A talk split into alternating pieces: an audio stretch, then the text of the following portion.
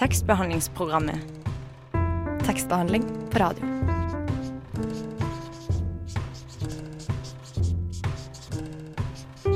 Tekstbehandlingsprogrammet.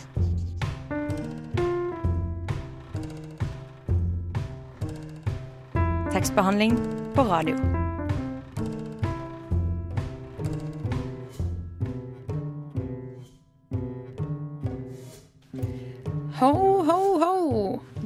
Hører på årets siste sending med tekstbehandlingsprogrammet på Radio Nova. Jeg heter Ylva Nordbø, og jeg har med meg Marie Vallestad. Er julestemningen på plass hos deg, eller? Den eh, sniker seg på. den gjør det. Jeg hører på julemusikk hver morgen for å sette stemninga. Sølvguttene og Mariah Carey er liksom det, det, varierer ja. det funker. Det gjør det. Ja, jeg har ikke fått julestemninga helt ennå, da, men jeg håper at jeg får det i løpet av den timen, eh, timen her. Eh, Vi har jo med oss forfatter og musiker Bård Torgersen, som i år har gitt ut både lyrikk og musikk sammen, samlet og atskilt. Eh, I boka, eller diktsamlingen 'Romaner' og albumet 'Vi skal ikke dø' en gang til, under navnet 'Universet'. Mm, og når han er her sammen med oss, så skal vi prøve å finne ut av hvorfor den diktsamlingen heter Romaner. Og så skal vi høre noen låter eh, fra plata til universet. Men også selvfølgelig prate litt om jula som nærmer seg. Og sist, men ikke minst, vi har en liten juleoverraskelse på slutten av sendinga til deg, kjære lytter. Så bare bli sittende, eller hold oss eh, i øra. Eh, vi setter i gang eh, en, denne timen med en låt fra A-lista, 'Jungle Pussy' med 'Pop for You'.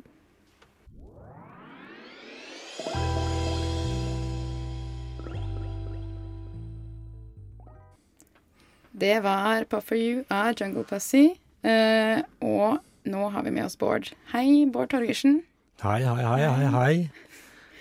Uh, romaner er um, din sjette eller tredje uh, diktsamling du har gitt ut. Jeg leste på Wikipedia at det var din sjette, men på, bakpå den romaner så står det at det er din tredje.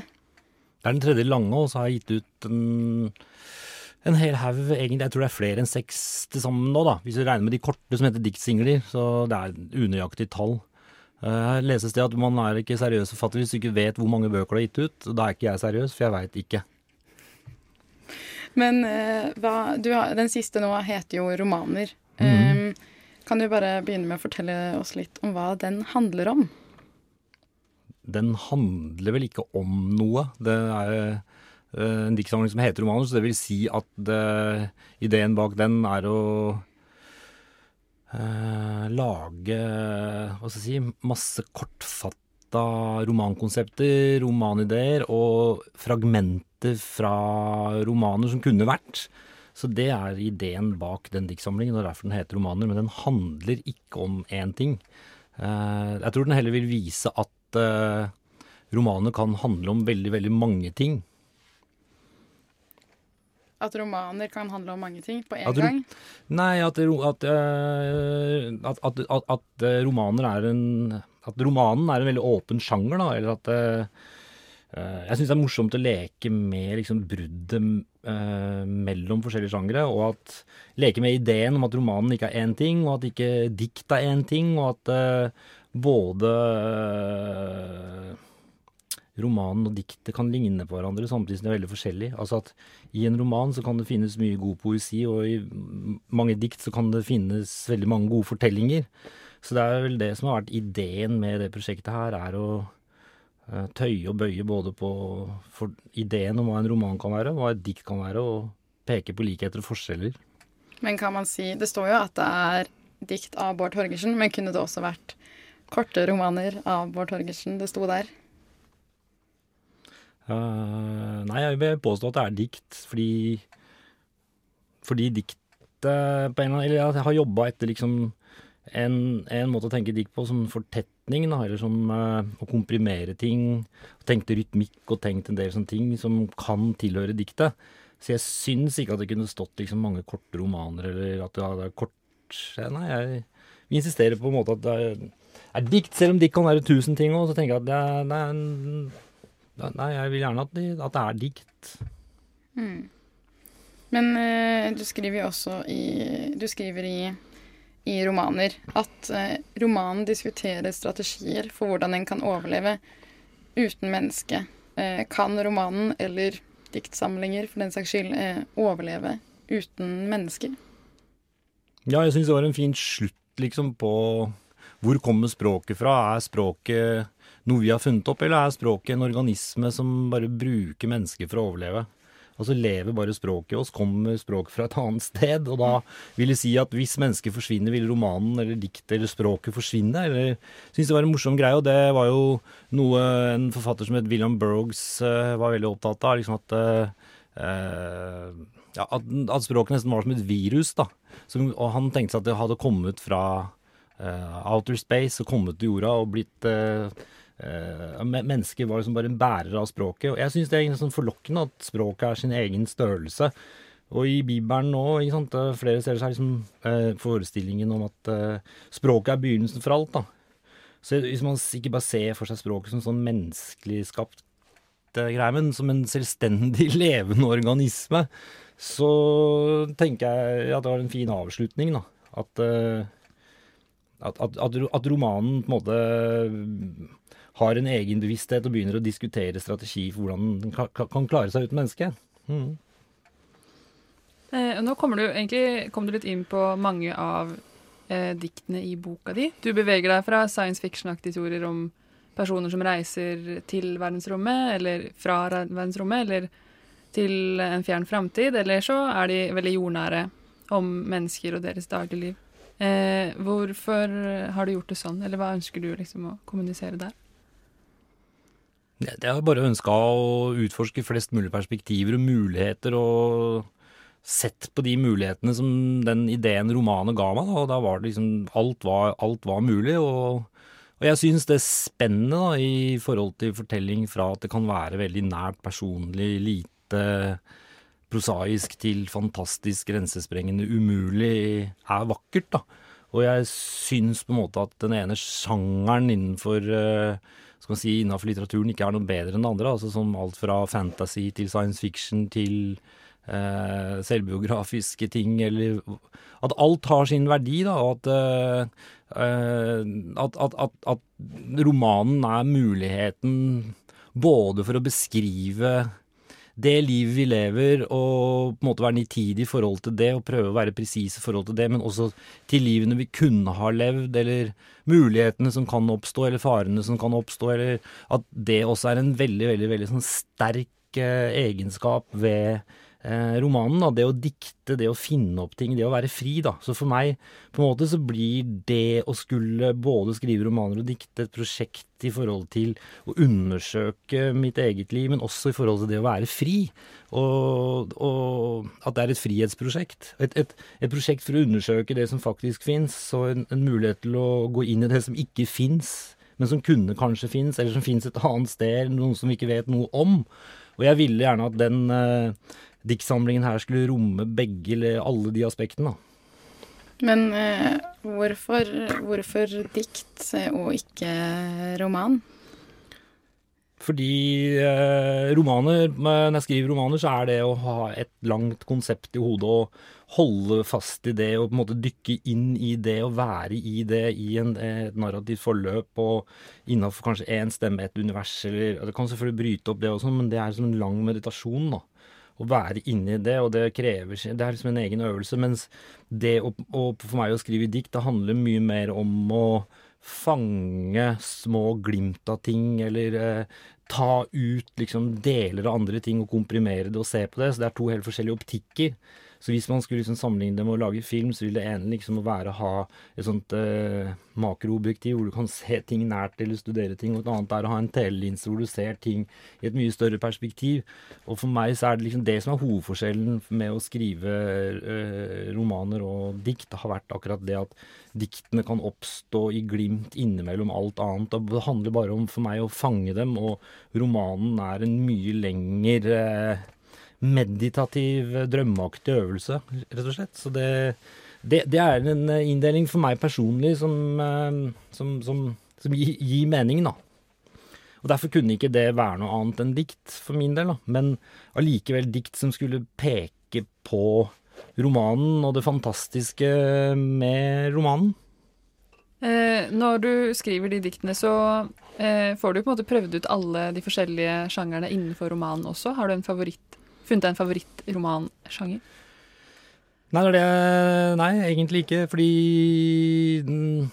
Nei, jeg, nei, jeg syns det det ligger noe veldig besnærende i alle, alle innfallsvinklene, så eh, Men akkurat nå så syns jeg kanskje at eh, veldig mye av litteraturen på en måte peker ned mot å være eh, sann i gåseøynene, og peker tilbake på et eh, ektelevd liv og egne opplevelser og det selvbiografiske og sånn. Og jeg savner kanskje litt liksom muligheten i å skrive om det fantastiske eller grenseoverskridende eller det som ikke fins, eller altså de tingene da, som handler om ren diktning og fantasi, og som eh, ikke må forholde seg til den verden vi faktisk lever i i det hele tatt. da. Eh, som, som eh, At jeg savner det litt, så Men det Ja. Vi skal snakke mer med deg, Bård Torgersen, men vi skal høre en låt først. Og det er Five Cheese med King Skurk One.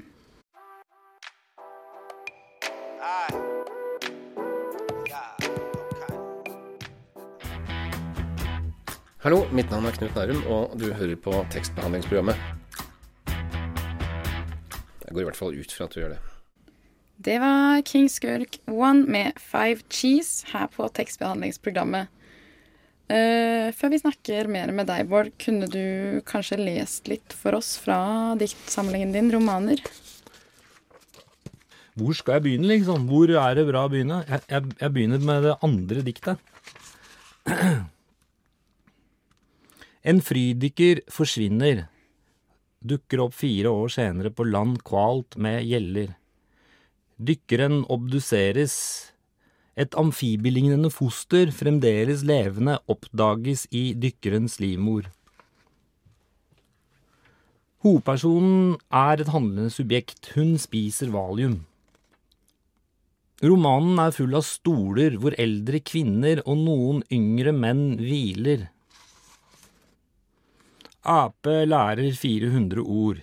Jeg ikke dum, jeg ape. Apen snakker og snakker, boka blir refusert.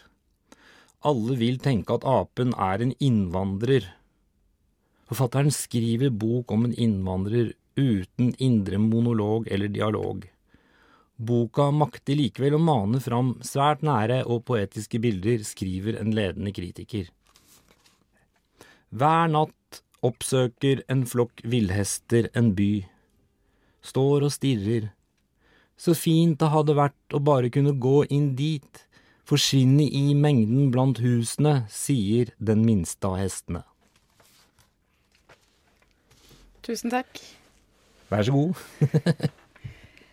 Peker denne diktsamlingen på altså omfanget, kompleksiteten, men også liksom simpelheten som kan finnes, eller som finnes i romaner? Hva tenker du om simpelheten? At eh, romaner kanskje kan virke Altså som De kan virke om, omfangsfulle og komplekse, og kanskje være det òg, men det vil alltid finnes en slags sånn Noe enkelt eh, en, og simpelt i de også. I hvert fall i mange, men uh, noen ting har vært liksom å komprimere og gjøre ting uh, trekke det ned til liksom det egentlige narrativet, på en måte, eller plottet, eller uh, Men det har ikke vært ideen egentlig å si at det er simpelt, liksom. Eller det har vært mer Man kan idé bruke et annet ord, eh, et annet ord også.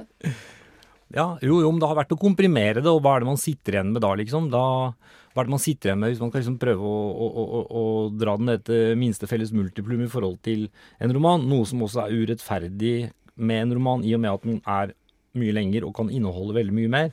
Men, men noe av det som har vært gøy med det, er å prøve liksom å dra den ned til en eller annen essens om hva det kunne handle om, eller hva det, hva det ikke fikk til å handle om, eller hvilket potensial det kunne hatt som har vært uforløst, eller Så poenget her har ikke vært å på en måte lage liksom øh, øh, de beste romanene. Det, det, har, det har vært å peke på både det som kan være vellykka og mislykka, og midt imellom, og eh, famlende forsøk og ting som kanskje hadde vært helstøpte, eller Så, så har å, det, Der har heller ikke ideen vært å liksom lande det i, i en konklusjon om eh, hva romanen er eller kan være, da.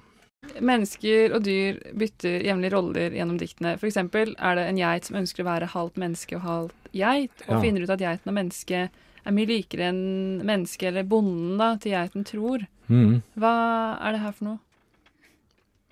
Eh, ideen til det diktet er fra Jeg leste åpningen til romanen til Ingvild Sjade, 'Drammens rekordbok', som er en av mine absolutte favorittromaner gjennom mange år. Og der skrev hun bare en setning som var sånn 'En geit som googler halvt geit, halvt menneske', og det syns jeg var så utrolig liksom, fantastisk, bare den ene setningen. Så sporenstreks, når jeg så det, så satte jeg meg ned og skrev det, og så teksta Ingvild og sa nå har jeg skrevet et helt dikt basert på den eh, På den setningen din. Og det jeg Jeg vet ikke. Det Nei, jeg vet ikke. Det var veldig intuitivt, egentlig. Men jeg bare syns det var morsomt, liksom, med det derre bildet da, om, eh, om, om at man føler seg liksom fremmed, og så finner man ut at man ikke er det, og så ja. Nei, det var et eller annet bare ur... eh, urkomisk med, med hele greia, som også virka veldig sånn veldig menneskelig, på en måte. Og det er en eller annen ting som Men det har jo alle folk som jobber med animasjonsfilm og lager som dyrefilm skjønt, at det er noe veldig, veldig menneskelig med å menneskeliggjøre dyr, da. Og jeg syns liksom det var en morsom ting å jobbe med her, var liksom der at alt Besjele alt, da. Besjele planeter og besjele gebisser eller tarmer eller besjele dyr, eller at alt kan, alt kan være senteret av universet, da. At det eh, kanskje litt vel typisk for en eh, del romaner som blir litt kjedelig i lengden, kan være, er at det stort sett alltid er liksom et menneske eller mennesker som står i senteret for handlingen. At det er sånn utrolig liksom fokus på menneskets erfaring, liksom. Og, og jeg syns uh, uh, ideen med å besjele andre ting, da, og sette de som senter i universet, romanuniverset, var, var morsomt. og eh, noe jeg hadde lyst til å eksperimentere med her. Og det, det å vri på synsvinkler i det hele tatt, da. At, det, at, at, at man på en måte går litt bort ifra det der at, at det er mennesket som skal være det sentrale hele tiden, og si liksom nei, det kan være noe helt annet som er det sentrale. F.eks. en geit som har evnen til å kunne google og, og, og, og, finne ut sin egen likhet med mennesket eventuelt, og ja.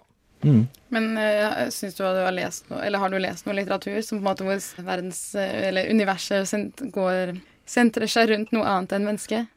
Ja Jeg syns for eksempel øh, det siste verket til verket, siste boka til uh, Roberto Balaño 2666 har han en god del sånne grep som jeg syns var utrolig morsomt når jeg leste. Liksom. At, han, at, han, at han, uh, han skriver om en forfatter som har skrevet en del bøker, og der var det annet en av romanene hans som visstnok skulle handle om øh, nå husker ikke jeg så veldig godt, men jeg tror det var at det var det europeiske kontinentet som var i dialog med et annet kontinent, eller Og når jeg leste det, så tenkte jeg liksom at dette her er helt fantastisk, og at eh, han jobba Hele den eh, romanen er jo å bytte perspektiv hele tiden, da. Eh, hoppe fra sted til sted og fra tid til tid og, og, og, og vri på ting. Men jeg tenkte at det var mulig for å dra det enda lenger, da. Og jeg eh, også veldig opptatt av en uh, billedkunstner som heter David Shrigley, som har gjort masse bøker med veldig, veldig, veldig naive tegninger med tekster til, hvor han også jobber veldig med å, å, å vri på perspektiver. Og en uh, superbra norsk billedkunstner som heter Martin Skauen, som jobber innenfor veldig, veldig mange forskjellige medier. Han gjør tegninger, han gjør performance, han gjør eh, lyd og alt mulig, som også jobber sånn ekstremt med å vri på perspektiver. Så det er liksom no, mm, mye av det som har inspirert konkret til å, å, å lage den diktsamlingen. Da. Så romaner og kanskje diktsamlinger da, kan, eh, kanskje, så kan kanskje overleve uten mennesket, da? Mm. La oss håpe det. La oss håpe at ikke vi er det siste. Men eh, du har jo ikke bare sluppet diktsamling eh, dette året. Du kom jo for ikke så veldig lenge siden ut med en eh, plate som du har laget sammen med musiker og produsent Kenneth Isak. Og da kaller dere dere Universet. Vi skal ikke dø en gang til. Og vi skal begynne med å høre en låt fra dette albumet som du har plukket ut. Hvilken Ja. låt er det? Pompidou. Og hvorfor vil du at vi skal høre denne? Nei, jeg syns den er fin, og så slutter det med at Kenneth synger så pent. så jeg syns at eh, Ja, det er, noe vakkert der, da, som jeg er litt stolt av å ha vært med på å ha laget. Altså, og, eh, så det var derfor.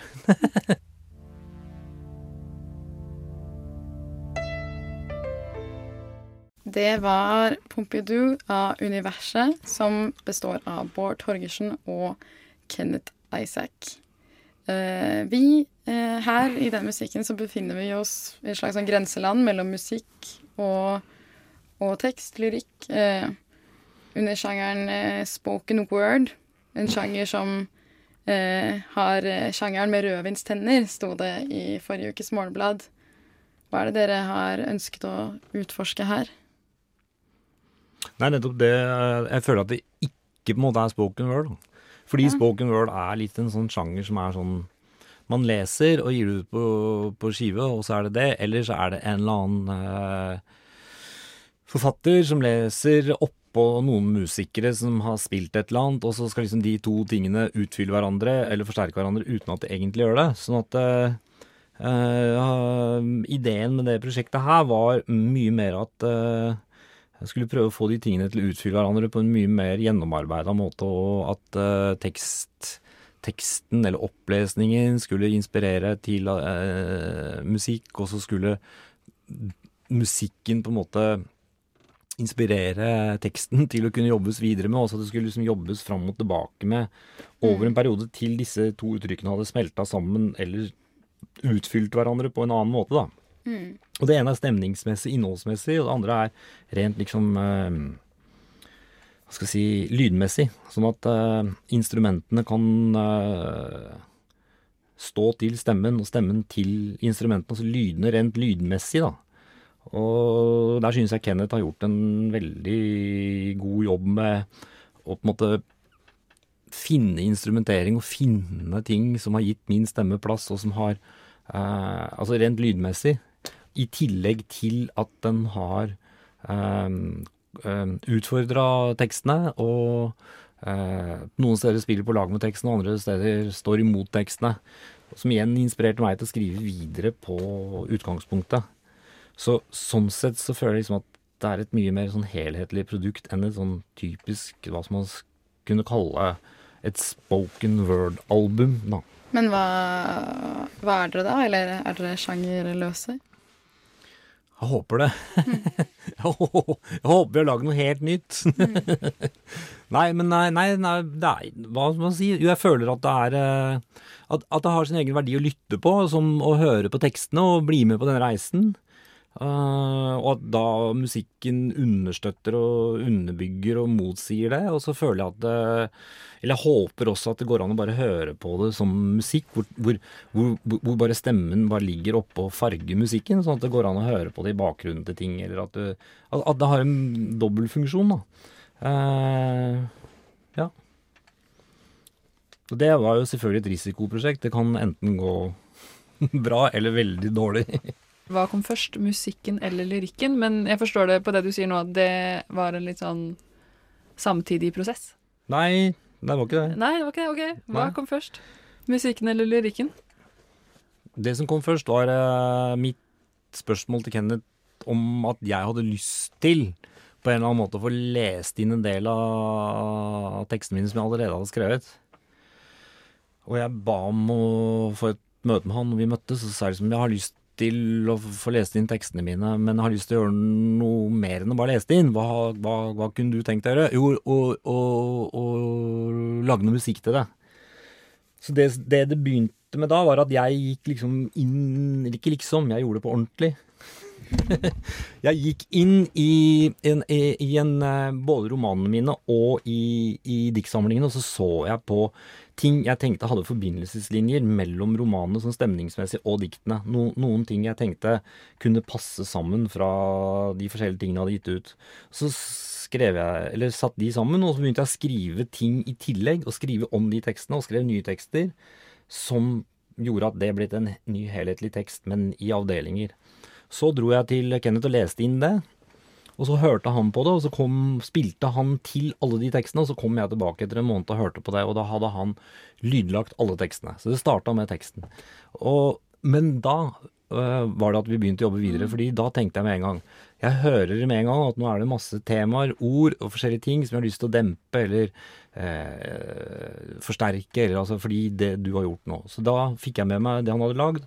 Gikk jeg hjem og hørte på det og skrev det om, så dro jeg tilbake, og så forandra vi på teksten, og så spilte han en ny runde, og så gikk det fram og tilbake sånn i mm. mange runder i løpet av to år, da. Mm, hva syns du at uh, musikken tilfører lyrikken din, sånn som da? Nei, det var, det var det, det, Kanskje mer undring. Kanskje at det ble vakrere noen steder. At det ble mer eh, eh, bløtere. At det ble litt mindre bastant. At eh, noen av diktene har kanskje vært litt sånn eh, mer kantete. At det var en melankoli kanskje som oppsto i de, som ikke var der. Eh, noe litt mer tilgjengelig. Um, ja, kanskje aller mest kanskje en slags sånn form for åpenhet, underliggjøring, som jeg, som jeg likte, da. Uh, hmm. Det som heter Ferdig snakka, som hvor forfattere leser, og så er det skrevet musikk mm. til. Og mm. uh, hva er det som skiller dere fra, fra det? Jeg tror ikke de har De, altså, de har jo ikke jobba like lenge med det som vi har gjort, altså i forhold til ett prosjekt. Men hvor lenge så, har dere jobba det? Nei, Vi jobba med dette her i, sånn fram og tilbake i en periode på over to år, så det har vært en lang prosess for å liksom de, eh, få fram det vi har gjort. Og det er som mitt inntrykk, av det jeg har forstått ut av det, så er det forfatteren leser, og så klippes det til, og så legger musikeren musikk på, og så kommer ikke forfatteren tilbake igjen. Mm. Og forfatteren leser ikke opp på musikk som allerede er laget. Sånn at det, det blir et møte som på en måte er liksom skapt i studio. Som mm. først er skapt av at noen kommer og leser, og så spilles det musikk, og så sammenføres det uten at det skjer i real time og organisk i en prosess. Og det var jo nettopp det jeg og Kenneth ikke ville. Vi ville ikke at det skulle skje. Vi ville samarbeide om et felles produkt som skulle gå liksom mellom oss fram og tilbake. Og at det skulle være At det var det som var spennende for begge oss å jobbe med, da. Vi skal høre en til låt eh, som vi har valgt ut fra, fra, plata. Vi skal ikke dø en gang til, og den låta heter Bekken. Lader, knekkebrød, oppvaskbørste, lykt, kart, badetøy, mot mygg, fyrstikker, parasoll, sammenleggbar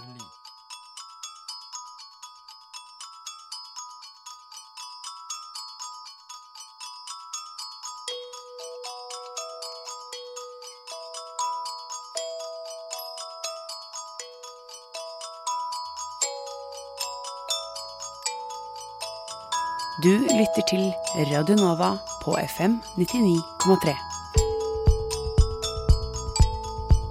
Det var Bekken fra Palata Vi skal ikke dø en gang til av Universet her på tekstbehandlingsprogrammet på Radio Nova.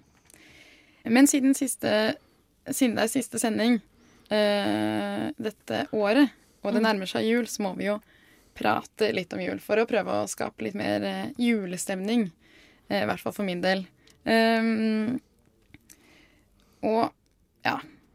Det er ikke så mye som må til for meg i løpet av julen, men jeg har en sånn Tre nøtter til Askepott er liksom hellig for meg, da. Uh, hva med deg, Marie? Uh, jo, den er jo også Den må vi se, da. Den har jeg jo Har mamma kjøpt på DVD som backup, liksom, for den skal skje. Men uh, hjemmelagd marsipan, det lager jeg hvert år. Det, da er det jul, liksom. Når det skjer, da. Hjemme hos mamma og pappa. Mamma skåler mandler, og jeg og søstera mi kverner det så veldig hyggelig. Mm. Hva med deg, Bård Torgersen? Hva er julestemninga på plass? Eller blir den, blir den det? Jo, den gjør det. Jo, jo. Nei, hva skal man si. Det er Jeg liker at unge, å se at ungene mine er glad liksom, og trygge på julaften. At det er liksom håp for verden på julaften, på en eller annen måte. At lyset skal komme tilbake, og det er mørkt og Sånne type ting er det som gir meg julestemning. Sånn eh, eh, familie, at man, eh, at man, kan finne sammen selv om man eh, egentlig kanskje har sånne ting som ikke er så greit å Ja, det er en del sånne menneskelige ting da, som har blitt viktigere og viktigere eller har blitt, liksom, så mm, At det er liksom en trygghet, da. Særlig nå, sånn som verden er nå, syns jeg, så syns jeg liksom det Ja, men allikevel at det ikke blir en eller annen sånn derre Nei, det er jævlig banalt å si, men jeg skulle ønske at alle kunne føle seg trygge i jula.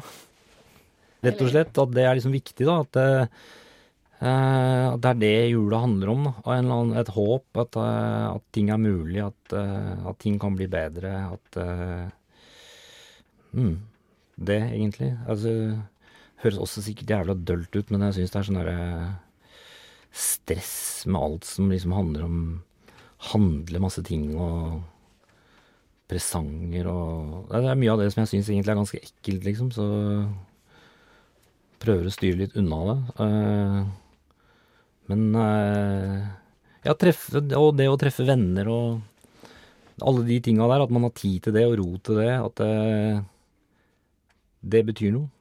Ja. Hva med, hva med nyttårsforsetter, da? Har du noen av de? Nei, det er jævlig dårlig på, ass. Det er liksom Sette i gang det er bare, fort, man bare fortsette som før. Kjøre på. jeg har et nyttårsforsett. Jeg, Ok, få høre hva er ditt, da. jeg har lyst til å klare å ta hodet mitt inntil knærne mine. Det er fett. Det, er veldig bra. Kan jeg, det kan jeg kanskje få til. Så derfor. Hva med deg, Marie? Har du noe? Eh, nei, altså jeg kan ta hodet mellom knærne, Okay. så jeg trenger ingen nyttårsforsetter. Du trenger ingen Nei, ellers er jeg fullkommen.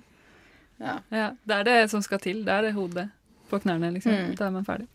Men selv om du sa du syns det er litt mye sånn ja, materialismefokus i julen, har du noe har du noen gavetips eller boktips eh, til våre lyttere og til oss, kanskje? Jeg må kjøpe gaver. jeg, må, jeg må jo pushe min egen roman, for det er jo 107 romaner til prisen av en diktsamling. Det er jo det er jo et veldig bra julegavekjøp, jeg må jo si det. Og så sparer man jo papir. Så sparer man papir, ikke sant. Og, og penger, kanskje. Ja, ikke sant? Så det- og folk kan skryte av at de har lest 107 romaner på, la oss si, en uke, da. Mm. Ja, ja det er bra. Godt Så tips. jeg syns jo det ja, Jeg vil anbefale den, ass. Jeg vil det. Men du, det er noe som skjer på Tronsmo hvis man vil sjekke ut uh, universet Ja. på lørdag. Vi skal spille konsert på Tromsmo bokhandel klokka fire på lørdag. Ja. Og det eh, ser jeg veldig fram til.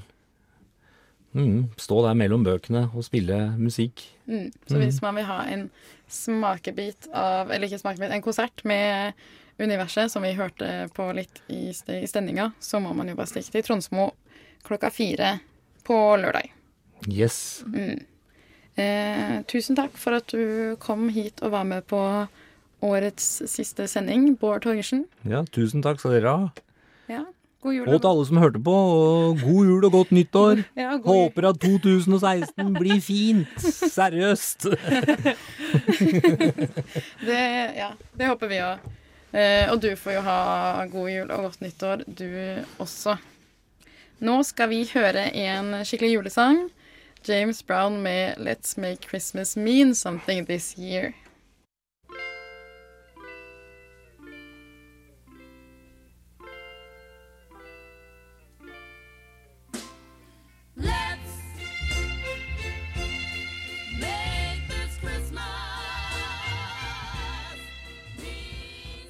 Det var James Brown med 'Let's Make Christmas Mean Something This Year'. Julens budskap, Ja. alle sammen. Der Bård Torgersen sa det. Mm. Den James Brown sa det også. Og jeg fikk litt julestemning, så win-win-win. Yes. Uh, nå er årets siste sending med tekstbehandlingsprogrammet snart uh, over. Og det er vår siste sending også, Marie. Ja, Det er det. Noensinne. det er uh, trist. Det er det. Men uh, tekstbehandlingsprogrammet består over nyttår. Det er ikke dødt, selv om vi slutter. Ja. Og så har vi en liten overraskelse, da. Og kanskje en, det kan kalles en liten avskjedsgave også Ja, En julepresang. til dere Ja. lyttere. Fordi I fjor så hadde vi jo også siste, også siste sending før eh, jul, og da var Svein Østvik, kanskje bedre kjent som Charter-Svein, på besøk hos oss. Mm. Han hadde jo gitt ut en diktsamling Ja, mm, som het Sveins verden, som eh, alle burde sjekke ut. Og så hadde han skrevet et juledikt til oss, eh, og det skal vi få høre igjen nå, eh, før vi sier takk for oss i år. Takk for oss for i år. Så her er deres lille julegave pakket opp. Og så kommer jula igjen. Vi skal bruke noen titalls milliarder på å skaffe oss noen engasjerte samtaleemner inn i romjulens tomhet. En slags fasadens endelige seier over naturen. Fyller venteperioden med krydret nonsens før vi telles ned som en tidsinnstilt bombe mot menneskers galeste oppfinnelse nyttårsaften. Som det menneskelig godt smurte tannhjul, som det gjennomsnittlige menneskets syke, drives vi fremover, år etter år av stress for å virke vellykket, tilpasset og godt fordekt, helt til vi til de grader knekt. Smiler, later som vi ikke tviler, hviler i skjul, mens vi spytter ut god jul. Romjulen. Romjulen. Som vi snart ikke orker romme. For vi føler det tomme komme. Romme, sier psykologen. Romme følelser. Av frykt for å spore av. Frykt for å si fra. Slappe av. Julen kjennetegnes av overstrømmende taler om ingenting. Om ting, om bytting av ting. Jeg skjønner snart ingenting. Ting meg her og ting meg der. Et smil fra hjertet stopper opp. Det er skamfullt å slippe noe vakkert ut av sin skjelvende kropp. Stillheten i det vakre truer. Derfor er det gaver som dominerer i alle landets stuer. Tekstbehandlingsprogrammet når du har lyst til å lese med øra. Det var altså Sveins juledikt av Svein Østvik. Ja, og En liten fun fact. Han skrev jo det diktet på T-banen på vei til oss. Men eh, jeg har snakket med han i løpet av året, og den kommer ut i en egen julediktbok. Eh, har Svein Østvik eh, sagt, så det er bare å holde øynene åpne. Right. Så vet man eh, hvem som skaffet det til veie. Det var vi. Det var vi i Mm. tekstbehandlingsprogrammet. Inspirasjonen. Uh, vi, det blir en ganske god pause nå, men vi setter i, eller det blir satt i gang igjen i 2016.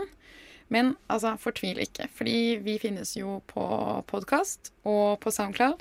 Så det er bare å høre igjen og igjen og igjen og kose seg med tekstbehandlingsprogrammet over jula. Mm. Og eh, jeg bare husker at det er tekstbehandlingsprog, fordi navnet vårt er litt langt når dere søker oss opp. Mm. Mm. Eh, I studio var Marie Vallestad. Mm. Og så var det meg, Ylva Nordbø, og tekniker var Isak Ree. Takk for oss. Eh, god jul og godt nyttår. God jul og godt nyttår, Marie. God jul og godt nyttår, Ylva. Ha det.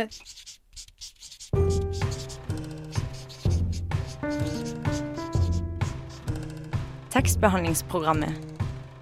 Tekstbehandling på radio.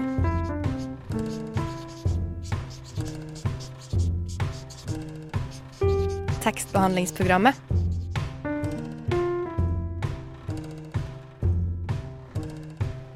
Tekstbehandling på radio.